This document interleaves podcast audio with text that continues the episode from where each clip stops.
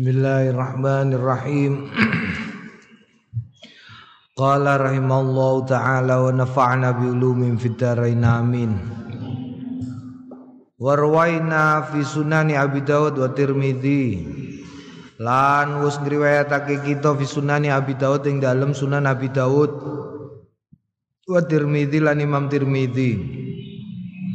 Bisnadin dhaifin kelawan isnad sing dhaif sebab do'afau milang do'if hu ing hadis sapa at-Tirmizi Imam at-Tirmizi an Ibnu Umar saking Abdullah Ibnu Umar radhiyallahu anhu Kala ngendikan kala Rasulullah ngendikan Rasulullah sallallahu alaihi wasallam Udhkuru mahasina mautakum Uzkuru padha nutura siramu kabeh mahasina ing bagus-baguse mautakum wong matine sliramu kabeh wa kufu lan padha nutupana sliramu kabeh an masawihim saking ala alane wong matine sliramu kabeh.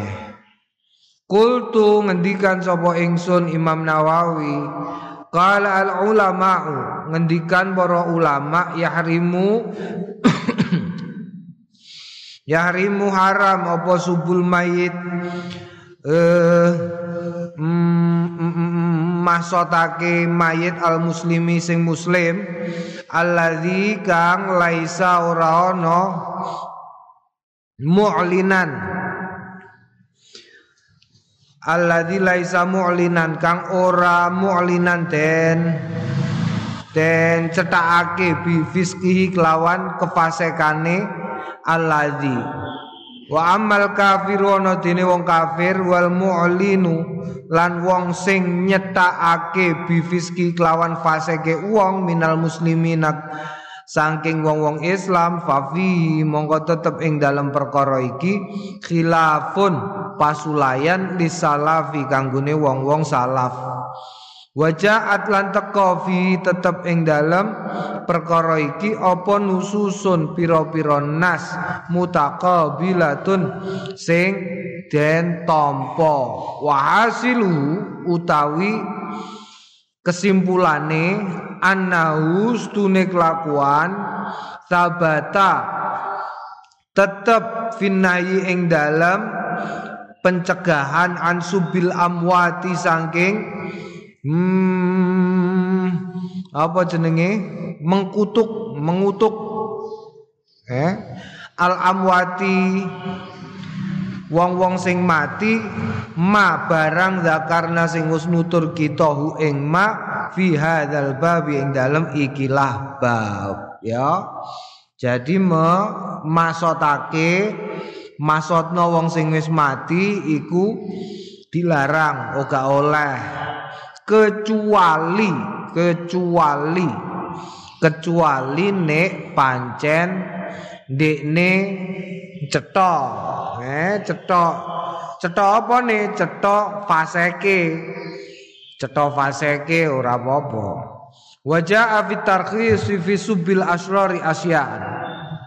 Asyaun katiratun wajah alan teko fi tarkhisi ing dalam keringanan fi subil asrari ing dalam masotake piro-piro Allah sing teko asyaun kathiratun perkara-perkara kang akeh. Minda setengah saking Asia Kathira iku ma barang koso sing wis nyeritakake ing ma sapa Allah Gusti Allah alaina ing atase kita fi kitabil aziz ing dalem kitab Gusti Allah al aziz sing mau menangan. Wa amarona lan perintah na ing sapa Allah na ing kita bitilawati kelawan maca Quran wa isyaati qiraatihi lan merti-merti qiraati eh macane kitab. Dadi umpamane kaya sing wis cetha Firaun oleh Firaun ya dilaknat. Terus Abu Lahab dilaknat oleh di dipasotno tabat yada abi lahab wa tab. Ngono ya sing wis cetha di apa jenenge? Dicetakno eleke dening Gusti Allah iku ora apa-apa. Wa mina lan setengah saking asya kathira iku ahaditsun kathi ahaditsu kathiratun pira-pira hadis sing akeh fi sahih ing dalam kitab sahih utawa sing diceritakno Kanjeng Nabi kal hadis kaya dene hadis allazi dzakara kang nutur fi tetep ing dalam ladi sapa Kanjeng Nabi Muhammad sallallahu alaihi wasallam Amr bin Luhai ing Amr bin Luhai. Oh ana wong jenenge Amr bin Luhai. Wa qissata Abi Rigal lan ceritane Abi Rigal iku ya ora apa-apa. Amr bin Luhai, Abu Rigal iku nek diceritakno gak apa-apa. Mergo apa? Mergo eh, wis diceritakno dening Kanjeng Nabi Muhammad sallallahu alaihi wasallam ning hadis. Abu Rigal iku sapa Abu Rigal? Abu Rigal iku ana loro ya nek Imam Ibnu Katsir ngendikane sing jenenge Abu Rigal iku wong sing ana ning gone zamane Nabi Sulaiman ya ana ning gone zaman eh zamane ora zamane Nabi Sulaiman ya zamane Nabi sapa ya zamane Nabi sing sing dicebloki watu, udan watu konggone langit iku Nabi sapa? Nabi Soleh. Nabi Soleh Abu Rigal, jenenge Abu Rigal. Iku dene lagi lunga nalikane kaume disiksa dening Gusti Allah, diazab dening Gusti Allah rupa dicebloki watu. Lah Abu Rigal iku lagi ning gone Baitul Maqdis. Lagi lunga ning Baitul Maqdis. Tengok-tengok ning gone Baitul Maqdis sehingga dekne ora kena keceblokan watu.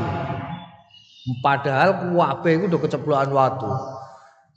Kaume Nabi Soleh, kaume Nabi Soleh iku sapa lek? Kaume Nabi Soleh iku sing gawe eh apa jenenge madain soleh kalau ya. Kowe gak oleh mara ning madain soleh gak oleh. Tulan ning kono gak oleh. Iku kaum sing iso gawe gunung ditatah didadekno omah. Jadi gunung watu ditatah terus jadi bangunan apik. Nganti saiki karo Gusti Allah diawetno sehingga wong akeh doroh sing jenenge madain soleh. Lah mergo iso natah gunung digawe bangunan sing apik-apik iku dene terus sombong ya terus sombong. Terus karo Kanjeng Nabi Soleh Kanjeng Nabi Soleh ditantang. Ditantang kowe iso ngetokno kok watu. Nabi Soleh ditantang ngono matur Gusti Allah. Kandhani Kaummu iku mau terima iso nggawe barang sing mati, bangunan. Lah nek pangeranem iku iso nggawe barang urip. Terus konggone watu metu unta. Dikandani untane gak untuk disembelih, untane gak untuk ngene gak untuk ngono. Ternyata unta mau disembelih sehingga udan watu. Lah Abu Righal iki miturut Ibnu Katsir iku lagi nih gone nenggone Baitul Maqdis nenggone Palestina sehingga ora keceblokan watu. Begitu ndekne metu saka Baitul Maqdis, metu saka wilayah Baitul Maqdis terus karo Gusti Allah cebloki watu. Tuweng mate sisan. Keceblokan watu diadab. Iku Abu Righal sing pisanan. Tapi nek miturut i i i i, i, i sapa jenenge? Sejarawan muslim iku Sapa Ibnu Ishaq Abu Ishaq apa Ibnu Ishaq Iku Abu Righal iku wong sing ngeterno sing ngeterno sapa jenenge? Hmm. Sing ngeterno alam taro kaifa fa'ala rabbuka bi ashabil fil. Jenenge sapa? Abraha. Jadi Abraha iku omahe Yaman, orang ngerti nggone Mekah. Tapi krungu kabar nek ana panggonan jenenge Mekah bentaun wong Arab kuwabeh ziarah ning Mekah perlu melu agamane Nabi Ibrahim yaiku nindakno ngibadah kaji. Lah dene mangkel, mangkel mergo apa? Mergo lah lah apa mara ning gone ora-ora ngono wae. Mbok mara nek pengen piknik rene. Pengen piknik tak gawe no dekne gawe. Ning gone kono ning gone Yaman ning Son'a iku ndekne gawe, gawe bunderan ngono, bunderan digawe saka emas. Kuil digawe saka emas ngisore ngisore iku nekakno kayu kok Indonesia. Rupane kayu cendono.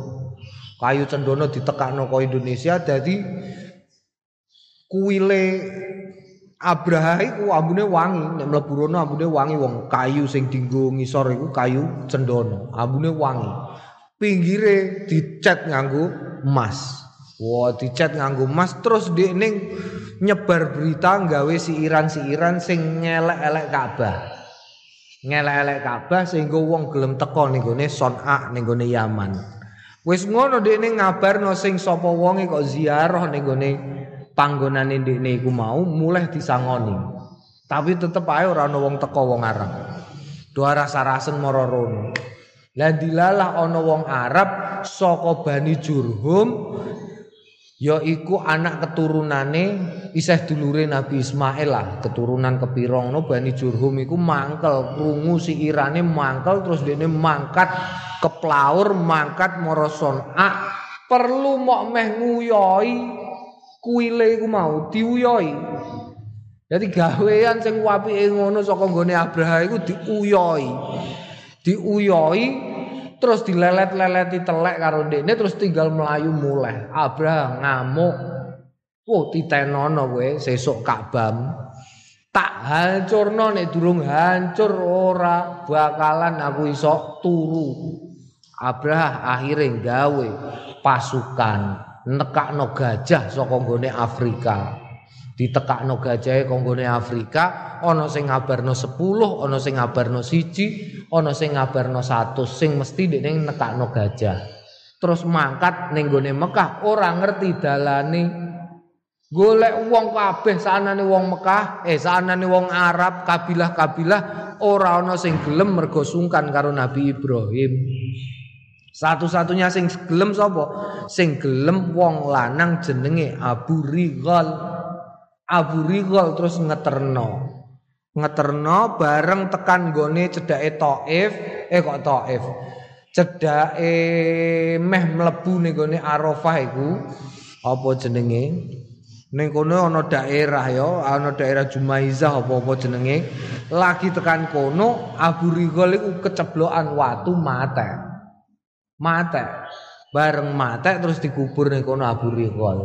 Sing jenenge Abu Riqal Atsani Abu Riqal sing kedua. Maka menurut Ibnu Katsir karo Imam Ibnu Ishaq itu Imam Ishaq itu dua-duanya ini berhubungan. Jadi Abu Riqal sing pertama karo Abu Riqal sing kedua. Lah iku karo-karone wong Arab nek liwat kuburane iku sang watu. Perlu apa? Kau nek liwat kuburane, kuburane disawat nganggo watu. Ngono iku. Iku uh, subul amwat. Ya, subul amwat maksudno ora trimo nganggo kata-kata, tapi nganggo watu. Jenenge Abu Riqal iku suwawat nganggo watu. Tawa. Nah, ngono iku piye? Ngono iku oleh. Mergo apa? Mergo disebut Abu Riqal iku ing dalem hadis. Mulane tapi nek ora, ya ora. Walladzi kana yusrikul hajja bimihjanihi. Walladzi lan wong kang kana ana sapa alladzi yusriku maling al hajja ing wong sing lunga kaji bimihjanihi kelawan mihjane. Mihjan iku eh ndas peok. ndas peok mihjan ya mihjan mihjan iku ndas peok ndas peok eh ndas peok. Piye iku ceritane? Ceritane yo ndekne maling wong-wong sing do lunga kaji. Ndekne macak lah macak dadi wong apa? Wong kere macak dadi wong sing nyakeni. Iki tekan saiki sih ana iki. Ya wong-wong sing nyolong barangi kaji-kaji. Nah, mulane sombin kowe nek lunga kaji hati-hati ya. Kadang-kadang ono ning gone Mekah iku ono wong sing keplaur bodoni ning gone Masjidil Haram. Kuwi iku nganggo seragam putih ireng ngono terus gayane kene ini ono gambar Indonesia. Bentuknya kayak wong Indonesia ngono. Kok terus ono wong Indonesia terus mbah tua mbah tua diparani, diparani terus apa jenenge eh terus dibuka tase. Nek ana duwike duwike digawa dijupuki kabeh. Mbah tuane ora paham rumangsane petugas ngono wae. Juwipuki kabeh duwike. Ngono iku sing kenek ya wis akeh. Nah, nek ngono iku dipasotno ben ndase peok piye ya ora apa-apa. Wa kisahtu bani Jud'an lan kisah Ibnu Jud'an. La wa ghairihim lan liyane Ibnu Jud'an ya Ibnu Jud'an Ibnu Jud'an iku apa jenenge eh wong apik sing matine ora patek apik. Naam. Wa mina al hadis as sahih alladzi qaddamnahu. Wa mina lan setengah saking mengkono iku mau al hadis utawi hadis as sahih sing sahih alladzi kang qaddamnahu dinginake sapa kita hu ing ladzi lama marot nalikane ketemu apa janazatun jenazah fa asna mongko ngalem alaya ing atase jenazah saron ing Allah. Sapa sing asna wong akeh Palam yungkar mongko ora mungkiri alaihi mengatasi mengkono iku mau sapa nabi Kanjeng Nabi Muhammad sallallahu alaihi wasallam. Bal balik kala ngendikan sapa Kanjeng Nabi wajabat wajib. Naam berarti oleh ya. Nek ana wong sing wis karuan elek ukurane apa ukurane? Ukurane mu'linun bi Ya mu'linun bimis bim fiski iku piye ngedeng entuke dene nglakoni maksiat iku ngedeng. Wong sing ngedeng, maksiat ngedeng iku eh eh eh, eh dipasotno ora apa-apa ya, dipasotno ora apa-apa. Mulane kok ana saiki ana apa jenenge ana ana sinetron kok sinetron sing model ngono iku subul amwat ngono iku entuk tah tergantung nek pancen amrih supayane wong orang lakoni elek ora apa-apa. Ya orang lakoni elek. Dhewe tau kok sering ning kene iku sering sering digo cerita di cah cilik-cilik iku nek krungu cerita nek bar wong bar mati wih mayite ora iso mlebu sam ora iso mlebu piye? Ora iso mlebu bolongan Bolongan iku nganti dipaculi peng bolak-balik iku mayite di dosok-dosokno iku ora iso. Mergo dekne senengane mangan tanahe dulure. Nek macul galengan dibablasno ning gone tanahe tanggane. Ora oleh ya, nek ning desa ya paham. Kadang-kadang galeng semene Kuwi iku sing kene sing duwe tanah kene macule dipolno kene. Dadi galenge terus dadi rada rene sithik ngono iku. Lah ngono iku nek mati iku engko lemah e iku nyempit. Jadi gak iso dilebokno. Biasane sikile terus ditekuk. Sikile rada ketekuk apa sirahe terus nengkler ngene. Iku nek senengane mangan tanahe tanggane ndek biyen ndek cilik sering ngono iku.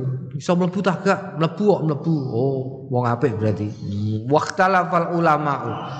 Lan pasul pelayan sapa ulama wong-wong alim fil jam'i ing dalem eh, eh, eh, sekabehane baina hadhi nususi ing dalem antarane ikilah pira-pira nas ala akwalin ing atase pira-pira kaul. Ya, berdasarkan hal tersebut ada beberapa pendapat tentang ketidakbolehan memasotkan mayit.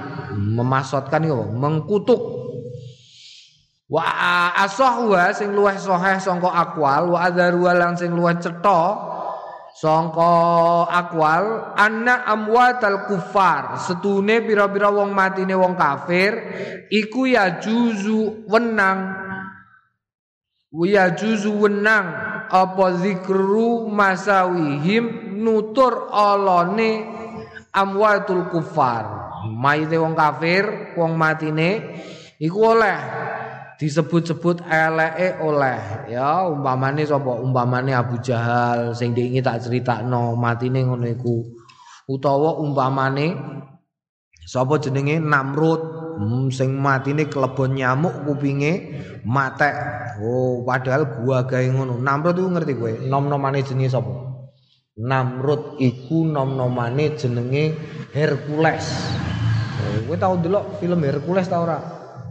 Tau Mau mam desa gak no TV ada gaya enam tahu mantuk mantuk alah gaya enam Hercules ngono yo Hercules iku Hercules iku wah jene mateni monster monster iku apa? Jaman dipin lah kewan iso ono kewan sing gede-gede ngono iku kuwi iku iso dikalahno Hercules kabeh sehingga terus dene macak dadi raja Oh, macak dadi raja dikandani Nabi Ibrahim ora percaya. Terus malah si Namrud iku gawe pesawat.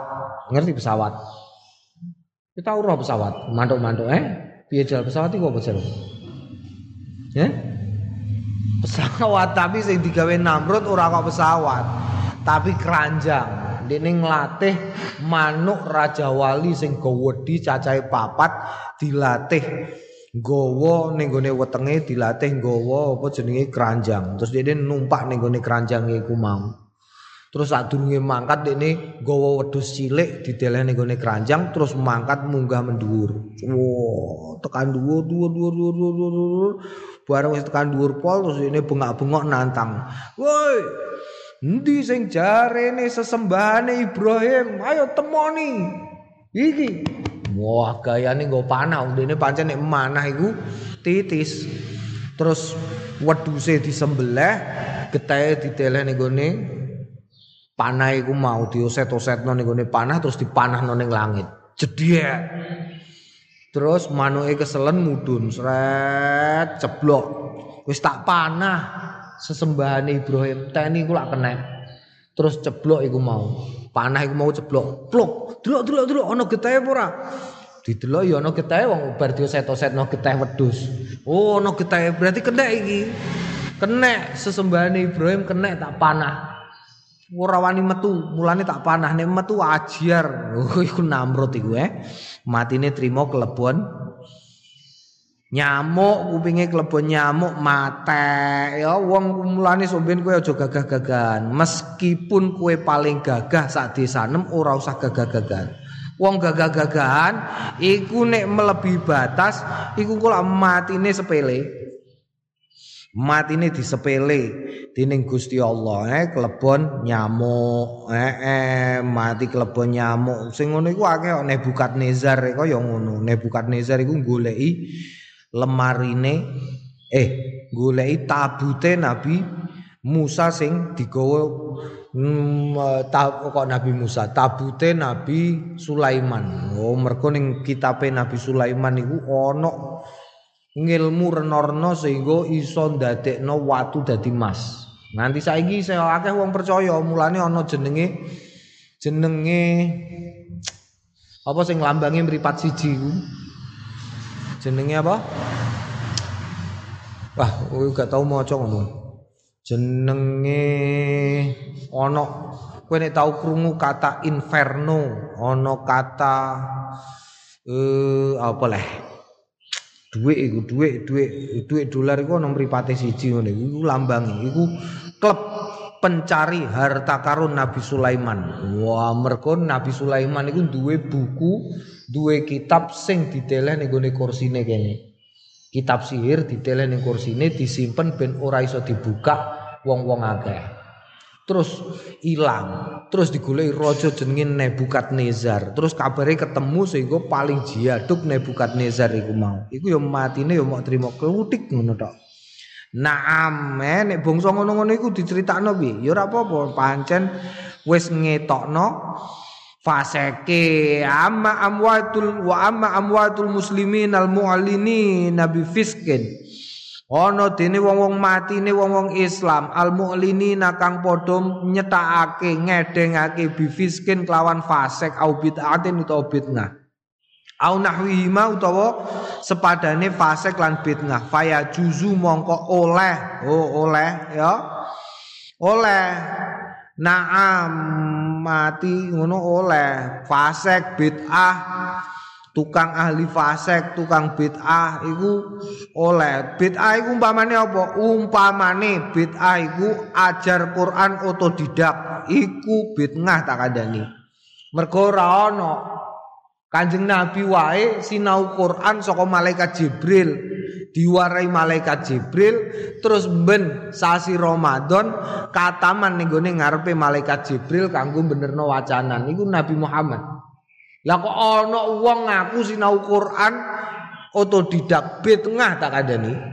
Ya ora ana contone lah liyane sahabat-sahabat engko Kanjeng Nabi ngajari ning sahabat-sahabat. Sahabat-sahabat ngajari ning anake ning gone murite ning gone cah cilik-cilik tanggane. Terus terus nganti tekan awak dhewe awak dhewe diajari saka gurune. Lah kok ana wong ngomong sinau Quran otodidak B tengah tak ngandani B tengah. Ora entuk. Mergo sinau Quran iku kudu saka nggone guru. Lah nek gurune teng YouTube hmm, piye ngoten niku lho ora entuk Mergo apa? Mergo kudu melu-melu Kanjeng Nabi. Nek niat nganggo YouTube lah Kanjeng Nabi dhewe sinau saka malaikat Jibril, lha apa malaikat Jibril kok teko barang? Ayo. Malaikat Jibril saben poso nemoni Kanjeng Nabi khusus urusan wacanan Quran. Lah kok ana wong liwat YouTube gak gelem teko ning gone wonge gurune iku ya ketak ngono ae bit tengah iku. Naam. Eh zikrum bidzalika. Zikrum utawi pituture wong akeh bidzalika kelawan mengkono iku mau kana nalikane ana apa fi? Kana nalikane ana fi tetep ing dalem kelakuan apa maslahatun lihajatin ilaihi? Kebagusan lihajatin krono kajat ilahi maring mengkono-mengkono kelakuan litahdhiri man haulahu mumpamane litahdhiri kanggone ngei peringatan. Man ing wong haulahum kang tetep ing dalem sekitare sekitare wong sing ngendikakno eleke wong sing ahli fasik wa tanfiri min qabuli maqalu wa tanfiri lan penolakan min qabuli saking penerimaan ma barang qalu sing ngendikan sapa wong akeh ing ma wal iktida'u bihim wal iktida'u lan ngetut bureni bihim kelawan wong ahli fasik fi ing dalem barang fa'alu kang padha nglakoni sapa ahli fasik ing ma Wa illam takun lan lamun ora ana apa hajatun kajat lam yajus mongko ora kena apa kelakuan eh. Dadi nek ora ana kajate ya ora entuk. Mulane kowe tak critani ben kowe orang niru kelakuane wong-wong iku ana Pirngon, ana Namrud ya raja-raja iku sing do kemaki, ana Abu Jahal, wong pinter tapi sok-sokan mergo pintere dienggo minteri wong iku jenenge Abu Jahal. Iku nggo contoh utawa pepeh menang dulur tua terus kemaki kaya Abu Lahab. Oh ana neh umpamane sapa neh akeh terus Abu mau Abu Rigal utawa Amr bin Luhai utawa tukang kok tukang DT kowe tau krungu tukang DT ceritane tukang DT ana tukang DT senengane bodoni wong. Akhirnya kebodon dhewe. Ini senengane tufail jenenge tufail.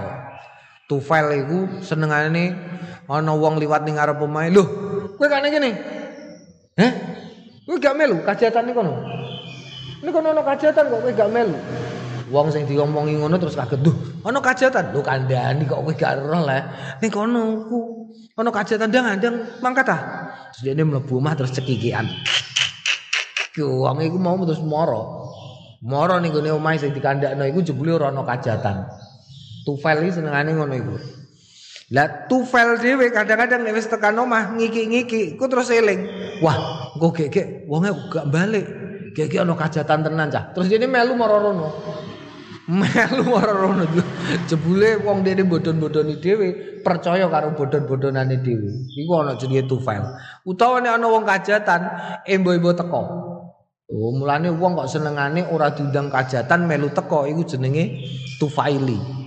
Senengane teko kowe tau? Eh, gak tahu. Ya, gak tahu kere kowe marai. Ndek ana iku, ndek biyen ana ning gone ning Jogja iku ana gedung dinggo ngantenan. Jenenge jenenge Graha Sabah Pramana. Wah, ning gone tengah kampus UGM iku ana gedung gedhi, gawene disewa nggo ngantenan. Lah ana sebelah iku ana sing bagian departemen sastra iku bocahe kere-kere. Ya iku rombongan urunan dhuwit nggo tuku batik. Jadi gue nek ono ngantenan ning kono gentenan nganggo batik. Batik celononan terus moro ning gone ngantenan muangan uh, dijami karo kanca-kancane. Kanca-kancane do ngenteni ning jaba. 10 menit, 5 menitan, 5 menit langsung metu. Gantian klambine mlebu neh, sret. Ngono iku jenenge tufaili. Ora diundang melu-melu teko. Nah, wa ilam takun wa ilam takun wa ala hada lan ing iki wa ila wa ala hada tafsir lan ing iki tafsir. Tunazzalu hadhin nusus. Den den turunake hadhin nusus ikilah pira-pira. Nusus waqat ajma lan teman-teman wus ijma sapa ulama-ulama ala jarhil majruh. Ing atase ing atase jarhil majruh minarwati saking periwayatan wallahu alam. Ya nek nek jarhil majruh ora apa-apa ya jarhil majruh iku piye? Jarhil majruh ngene lho. Kan ono Imam Syafi'i iku tahu mlaku ya mlaku konggone daleme kono ning sing asale sadurunge ning Baghdad. Iku mara ka Baghdad iku mara ning gone Yaman. Ning gone Yaman. Yaman iku waduh. Yaman ka Baghdad iki kira-kira ya sekitar sangatusan antara sangatus nganti sewu kilo. Lah Imam Syafi'i iku mara perlu ngrungokno riwayat hadis. Bareng tekan kono roh Wong iku mau diselidiki sik wong sing riwayatno hadis sing diwonge. Sing iku lho. Oh iya iya ditiliki. Jebule nek itu madhep kiblat, mulai Imam Syafi'i kundur nih, gak sido. Kenapa? Mergo ngono iku termasuk eh apa jenenge? Termasuk apa ngono iku jenenge ngelat. Termasuk ngelat ora entuk nyeritakno hadis. Mulane nek urusan cerita hadis iku nek wong saiki menawa ora ana sing riwayatane iku ora ana sing sing terpercaya. Lah piye? Pancen aturane sangat ketat sekali. Wudu wong nyeritakno hadis, wudu kok or kesunatane ditinggal, iku wis ora terpercaya ngono ae. Kon ninggal. Jadi kowe kowe nek wudu sunahe mbok lakoni kabeh ta ora? Dungane barang. Kok ora? Wah kowe nyeritakno hadis yo ora kanggo. Lah saiki kathek skarpe dhewe ngono wong-wong. Babu mayakulu zairul kuburi. Tawi iki kubab nerangake barang yakulu sing ngendikan ing ma sapa zairul kubur wong sing ziarah kubur. Rawaina fi sahihi Muslim, ngriwayatake kita fi sahih Muslim an Aisyah ta sange Aisyah radhiyallahu anha qalat ngendikan Sayyidah Aisyah kana ana sapa Rasulullah Kanjeng Rasul sallallahu alaihi wasallam. Ulama nalikane kana ana apa lailatuha wengine Sayyidah Aisyah min Rasulillah saing Kanjeng Rasul sallallahu alaihi wasallam. Yakhruju metu min akhiril laili saking akhire bengi ilal bakek marang kuburan bakek. Fayaqulu mongko ngendikan sapa Kanjeng Nabi Muhammad sallallahu alaihi wasallam. Assalamualaikum dar qaumi mu'minina. Assalamu utawi salam alaikum muga tetep ing atase sliramu kabeh daro qaumi mukminina he penduduk ka kampunge kampunge kaum sing padha duweni iman. Iman. Wa atalan teka kum ing sliramu kabeh ma. Barang tuaduna kang den janjekake sliramu kabeh. Godan sesuk muajaluna.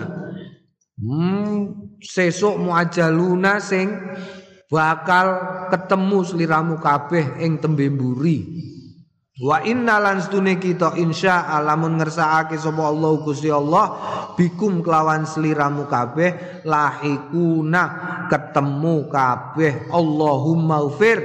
Tu Gusti Allah ighfir. Mugi nyepunten panjenengan li ahli bakek kanggone ahli bakek kuburan bakek al gharqat naam ya iki dalile. Nek wong urip ning gone kuburan neng kuburan iku urip tur krungu ya krungu nyatane apa nyatane Kanjeng Nabi nek ngendikan domire nganggo kum eh ora him ora assalamu alaihim ora Assalamu alaikum berarti iku berarti sing kuburan iso dijak omong. Nek iso dijak omong berarti urip ngono lho ya. Urip wa atakum. Oh nganggone kum terus iyalah iku bukti salah satu bukti bahwa ning kuburan urip tapi uripe ora padha karo ning donya. Warwaina riwayatake kita fi sahih muslim ing dalam sahih muslim an Aisyah ta saking Aisyah aidon alim malih anna astune Sayyidah Aisyah qalat Kaifa aqulu ya Rasulullah? Kepriye aku lu ngucap sapa ingsun ya Rasulullah do Kanjeng Rasul? Tani ngersakake sapa Sayyidah Aisyah fi ziyaratil kubur ing dalem nalikane ziarah kubur. Kala ngendikan sapa Sayyidah Aisyah kuli ngucapo sliramu wadon assalamu ala ahli diyar. Assalamu ta'i salam iku ala ahli diyar tetep ing atase ahli kubur minal mukminina saking wong-wong sing padha duweni iman wal muslimin lan wong-wong sing padha Islam. Wa yarhamulan muga rahmati sapa Allah Gusti Allah al mustaqdimina ing wong-wong kang wis kliwat mingkum saking sliramu kabeh wa minna lan saking kita wal mustakhirina lan termasuk wong-wong sing akhir-akhir sumben matine. Wa inna lan stune kita insyaallah mun ngersakake sapa Allah Gusti Allah bikum kelawan sliramu kabeh lahikuna iku padha ketemu kabeh iku nek mlebu kuburan assalamu ala ahli diyar minal mu'minin al muslimin wa yarhamullahu al mustaqdimin minkum wa al mustakhirin wa inna insyaallah bikum lahikun Kula mboten apal. Wong kula niku arang-arang ngaji, ngajine wis tuwek. Pun tuwa ngeten iki nembe ngaos. Nek kon ngapalno assalamualaikum ya ahla ada qaumi mu'minin wa atakum tu'adun ghadan muajjaluna wa inna insyaallah bikum lahikun. Allahumma ighfir li ahli li ahli hadzal dar. Umpamane kok kula ngapalke ngoten niku kula nggih mboten apal. Lha iku iso ngoten niku lak contoh. Ngee, iku kula mau catetan. Nek gak iso terus piye? Ya assalamualaikum. Wah, assalamualaikum kula nggih kangelan ya nek kangelan muni wae. Amit Mbah, nuwun sewu Mbah, putune nderek langkung, wis ngono wae. Eh daripada angel-angel. Kowe ngajari tangga 6 kok gak iso. mbah-mbah tuwa iku gak iso kula. Mboten saged assalamualaikum ya ahli diyar antum sabiquna wa nahnu insyaallah bikum lahikun. Allahumma ufir lak wa Allahumma ufir lana wa lakum hmm, walil mustaqdimin walil mutaakhirin. Minna. Ngono umpamane kok gak iso ya warai wae anak-anak barang somben. Kowe nek liwat greng-grengan liwat kuburan munio amit mbah nuwun sewu. Warwaina lan riwayatake kita bil asani di sahihati kelawan isnad isnad sing sahih Fi sunani Abu Dawud ing dalam sunan Abi Dawud wa Nasai wa Ibnu Majah an Abi Hurairah sang Abi Hurairah anna Rasulullah sunne Kanjeng Rasul sallallahu alaihi wasallam wa alihi wasallam kharaja ilal makbarah. Miya sapa Kanjeng Nabi lal makbarah maring kuburan. Faqala assalamu alaikum dar qaumi mukminin assalamu selamat alaikum tetep ing atase sliramu kabeh dar qaumi mukminin he ahli panggonane kaum sing padha duweni iman. Wa inna insyaallah lan sedune kita insyaallah men ngersakake sapa Allah Gusti Allah bikum kelawan sliramu kabeh lahikuna ketemu Warwainan riwayatake kita fi kitab Tirmizi an Ibnu Abbas radhiyallahu anhu maqala marra ketemu sapa Rasulullah Kanjeng Rasul sallallahu alaihi wasallam bi kuburi ahli Madinah kelawan kuburane ahli Madinah. Faqbala alaihim. Monggo madhepake alaihi sapa Kanjeng Nabi alaihi mengatase kubure ahli Madinah biwaji kelawan wajah Kanjeng Nabi. Faqala monggo ngendikan sapa Kanjeng Nabi assalamu alaikum Ya ahlal kubur yaghfiru nyepuro sapa Allah Gusti Allah lana kanggone kita walakum lan kanggone sliramu kabeh. Antum hale utawi sliramu kabeh iku salafuna sing disiki kita. Wa nahnu lan kita menika bil asar kelawan tembe mburi ngetokno ning gurine panjenengan. Kala At-Tirmidzi ngendikan sapa Imam Tirmidzi hadisun hasanun. Warwaina ya iki model-modele salam tinggo ahli kubur. Warwaina fi sahih muslim an buraida. Qala kana nabi ngendikan sapa kanjeng nabi Muhammad sallallahu alaihi wasallam yuallimuhum.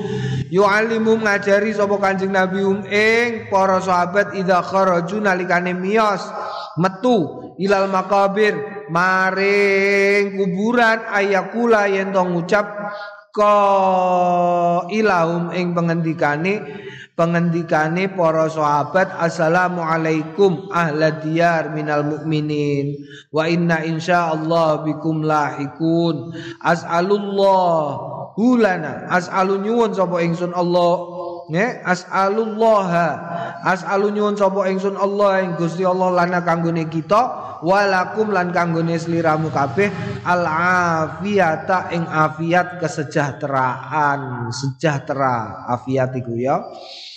Naam warwaina fi kitabin Nasai lan riwayatake kita fi kitabin Nasai dalam kitab An-Nasai wa Ibnu Majah. Kaya mengkono Waza dalam nambahi ba'da qauli ing dalam sause pengendikane Kanjeng Nabi Allah lillahi kuna kanggone wong-wong sing padha nemoni kabeh antum lana faratun antum utawi sliramu kabeh lana kanggone kita faratun iku uang apa uang muka iku. E, sesuatu yang dibayarkan di muka por sekot wananu lan kita lakum kanggone sliramu kabeh tabaun iku ngetut mbureni. Nah Naam ya. Awak dhewe iki trimo ngetut mbureni. Dadi gak usah gaya gak usah kemaki gak usah sok keminter ora usah sok keminter mergo saiki ana wong-wong sing keminter jarene Dekne nek ngomong aku hukume Gusti Allah iku ya Quran karo hadis. Gak usah melu ulama-ulama barang, gak usah Imam Syafi'i, gak usah Imam Hambali, gak usah Imam Malik. Lo lo lo lo lo lo lo. Awak dhewe iku trimo ngetut bureni ya. Ngetut bureni iku manut ngarepe. Gak iso tekan awak dhewe nek ora ana Imam Syafi'i. Gak oh, gak iso tekan awak dhewe nek ora ana Hmm? Wali songo, gak iso tekan awak dhewe nek ora ana kiai-kiai. Naam, mulane gak usah kemaki. Warwainan riwayatake kita fi kitab Ibnu Sunni. Ing dalem kitab Ibnu Sunni an Aisyah ta saking Aisyah radhiyallahu anha anna nabiyya Stune Kanjeng Nabi Muhammad sallallahu alaihi wasallam ata rawuh sapa Kanjeng Nabi Al-Baqi kuburan Baqi faqala Assalamualaikum dar qaumin mukminin antum utawi sliramu kabeh lana kanggone kita farotun. Apa mau? Por sekot wa inna lan kita bikum kelawan sliramu kabeh lahikuna bakal padha nemoni kabeh. Amin. Allahumma do Gusti Allah la tahrimna. Ampun ngaramake panjenengan ing kita ajrum ing ganjarane tiang kata menika. Wala tudillana. Lan ampun nyasarake panjenengan ing kita ba'dahu ing dalem sause tiang-tiang ahli bakek menika. Ya kowe ning kuburan maca iki ben apa ben diklumpukno terutama kuburane wali-wali kiai-kiai kowe uluk salam wong apik-apik supaya apa? Supaya diklumpukno mergo mlebu swarga iku ora dhewean. Mlebu swarga iku mesti rombongan eh? Rombongan. Lah kowe nek gak duwe rombongan repot. Ngono ya. Rombongan ben iku mlebu swarga rombongan Engko aku melu rombongane guru-guruku, guru-guruku melu rombongane guru-gurune. Guru-gurune melu rombongane guru-gurune. Oh, terus terus dadi rombongan sing gede banget.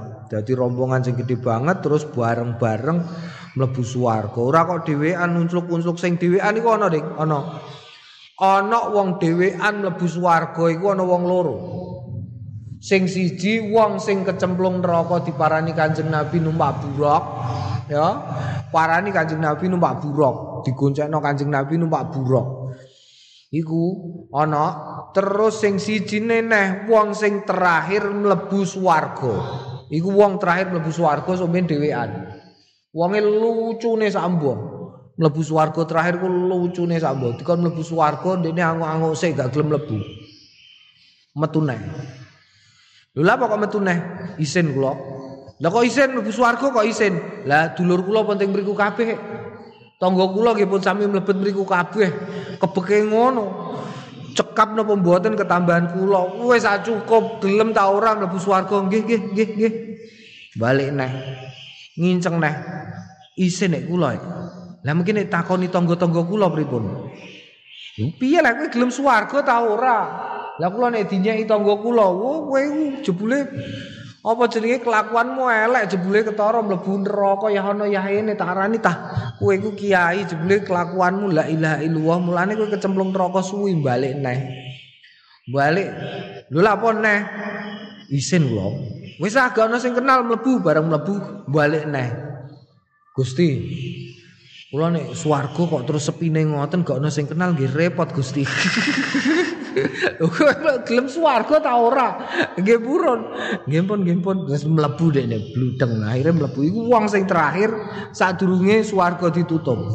Bar iku swarga ditutup neraka ya neraka ya ditutup, neraka ditutup, swarga ditutup. Naam bariku mok delok-delokan kok kadoan. Niku paling berat ning gone neraka iku ya mergo delok iku. Wa yustahabu lan den sunahake lizairi kanggone wong-wong sing padha ziarah den sunahake Eh apa al iksaru ngekeh-ngekehake min qiraatil Quran saking maca Quran wa zikri lan zikir wa doa lan donga li ahli tilkal makbarah kanggone ahli mengkono-mengkono kuburan. Wasairil mauta lan sekabehane wong sing wis mati wal muslimin lan wong-wong Islam ajmaina ya sekabehane. Wa yustahabu lan den sunahake apa al iktsaru ngakehake minaz ziyarati saking ziarah kubur. Oh rungano, rungano.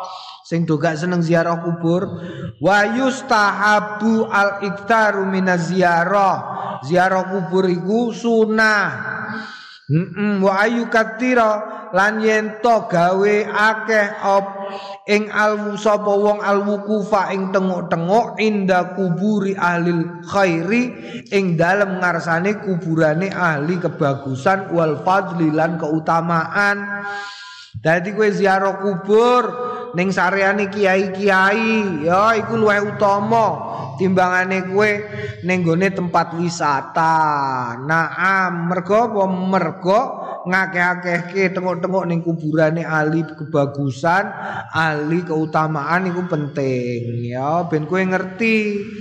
Eh paling ora ngalap berkah.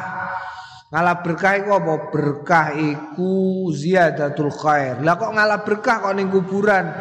Ngene lho ya, logikane logikane Nek ana wong pakane Faisal seneng karo Faisal umpamane. Pakane Faisal seneng karo Faisal. Kowe mora-mora ning gone Faisal, Faisal mbok apiki. Iku kira-kira pakane kok ngapiki awakmu ta ora? Ya mesti ngapiki awakmu. Lah wong apik-apik, alil khairi wa alil fadli iku iku senengane Gusti Allah. Ngono ya, nyatane, nyatane nalikane urip dekne diparingi Gusti Allah kebagusan, diparingi ilmu, diparingi keutamaan-keutamaan. Berarti diutamakno dening Gusti Allah. Lah kowe nek marek-marek rono Gusti Allah seneng ngei awakmu juga. Ngono lho maksude naam babun nayuzairi man ra'au yabki jazaan inda qabrin. Babu tawiki kubab nayuzairi. Eh, nerangake nyegae azairi wong sing ziarah man ing wong roa sing weruh sapa zair ing man yabki nangis jazaan krana keluh kesah inda qabrin ing dalem ngarsane kuburan Mm wa amri lan perintahe zair iyau marang man ro'awi yabki bisobri lawan sabar. Wa lan nyegah zair ing man aidon ale male an ghairi dalika saking liyane mengkono iku mau mimma saking barang nah sing nyegah apa asyar usarengat anhu saking ma Gak oleh ana perkara-perkara sing gak oleh. Jazaan kalau kesah gak oleh ning kuburan jazaan ya. Sing oleh apa? Nalikane awakmu nangis, nangis tok mergo maca Quran terus awakmu nangis. Kan diingi wis diterangno ning gone kitab iki. Kowe nek maca Quran baka nangiso, eh kowe nek gak iso baka ya tabaka. Mbok tangis-tangisno. Lah ngono iku paling gampang ning kuburan. Kowe maca Quran kok ning kuburan roh wong sing do mati wis dikubur eling awakmu dhewe. Kok kowe nangis? Hmm? Iku ngono iku untuk keutamaan. Tapi nek nangis krana keluh kesah gak oleh. Nangis pakane, nangis mboke, nangis mbae, nangis wah gak oleh. Naam, rawainang riwayatake kita fi sahihail Bukhari ing dalam sahih lorone Bukhari wa Muslim lan Muslim. An Anas sing saking sahabat Anas radhiyallahu anhu. Kala marra ketemu sapa Nabi Kanjeng Nabi Muhammad sallallahu alaihi wasallam bimraatin kelawan wong wedok tabki sing nangis inda qabrin ing dalam ngarsane kuburan. Faqala mongko ngendikan sapa? O Kanjeng Nabi. Itakillah wedya sliramu wadon. Allah Gusti Allah. Wasbiri lan sabar sliramu wadon ya. Sabar. Sabar wedya karo Gusti Allah. Warwainan kita fi sunani Abi Daud ing dalam sunan Abi Daud wan Nasa'i Wa Ibnu Majah bi hasanin kelawan isnad sing hasan. An Busairi an Busairi bin Ma'bad. Saking Busair bin Ma'bad al-Ma'ruf bibnil Khasasiyah. Dia sing terkenal dengan nama Ibnu Khasasiyah radhiyallahu anhu. Kala ngendikan bainama ing dalem antarane anak ingsun umasi ngeterake sapa ingsun an nabiya ing Kanjeng Nabi Muhammad sallallahu alaihi wasallam. Nazara mirsani Kanjeng Nabi. Faizan dumadaan rajulun ana wong lanang yamsi mlaku bainal kubur ing dalem antara pekuburan alai tetep ing atase ing atase rajul na'lani sandal loro Fakala mongko ngendikan sapa Kanjeng Nabi ya sahibas sabati ya taini e wong sing duweni sandal loro ilki nganggo sliramu sibetiyataika ing sandal loromu. Sandalem kok mbok copot la apa nggo? Wa zakarolan wis nutur sapa rawi tamamal hadis ing sempurnane hadis. Kultu ngendikan sapa ingsun? As-sabatai as-sabat as-sabatiyah as-sabatiyah as-sabatiyah tu iku anak lu sandal alladzi la sya'ra. Kang la sya'ra rambut ngalaya ing atase na'al. Waya bikasrisin waya utawi na'al bikasrisin kelawan kasroisin al muhmilah sing kosong wa iskanul ba lan sukune ba al muwahidah sing titike siji. Waqat ajma'at lan teman-teman ijma' sapa al ummatu ummah ala wujubil amri ngatasé wajibe perintah bil ma'rufi kelawan kebagusan Wanayi lan wajibe nyegah anil mungkari saking kemungkaran. Wadala ilu tawi piro-piro dalile amar ma'ruf nahi mungkar fil kitabi tetep ing dalam Quran wa sunnati lan sunnah iku masyuratun wis terkenal wallahu alam. Babul buka. Oh ya iku tadi amar ma'ruf nahi mungkar intine. Ojo Ojo nangis-nangis ning kuburan, nek ana sing lakoni nangis-nangis ning kuburan mergo keluh kesah, awakmu kon ngelokno. Ya babul buka, tapi amar ma'ruf nahi mungkar ya tergantung, Ding. Ya, tergantung tergantung seberapa dekat awakmu karo wonge iku mau. Mulane wong Islam iku kon dulur-duluran. Sebabnya apa? Sebab nek ora dulur iku mesti cuek-cuekan. Wis paham? Kue ana bocah cilik ora patek kenal, kebut-kebutan numpak sepeda ning gone ngarep kene mesti mbok barno. Ya ta ora? Tapi nek kira-kira kok kowe ngerti cah cilik iku, kowe kenal mergo cah cilik iku anake tangganem umpamane, mesti mbok lono, "Eh, cong aja banter-banter, cong hati-hati lho ya." Iku ngono. Tapi nek umpamane kok iku anakam dhewe, ora kathek nganggo ngomong, langsung mbok cekel mesti. Paham ya? Jadi nek urusan amar ma'ruf nahi mungkar iku sebisa mungkin nek kue ora kenal ya dilakukan dengan cara yang baik ya dengan cara yang baik kecuali nek kue kenal kue wis biasa. Eh ojo ngono eh. Ngono Nah babul buka utawi iku bab nangis wal khaufi lan wedi indal mururi.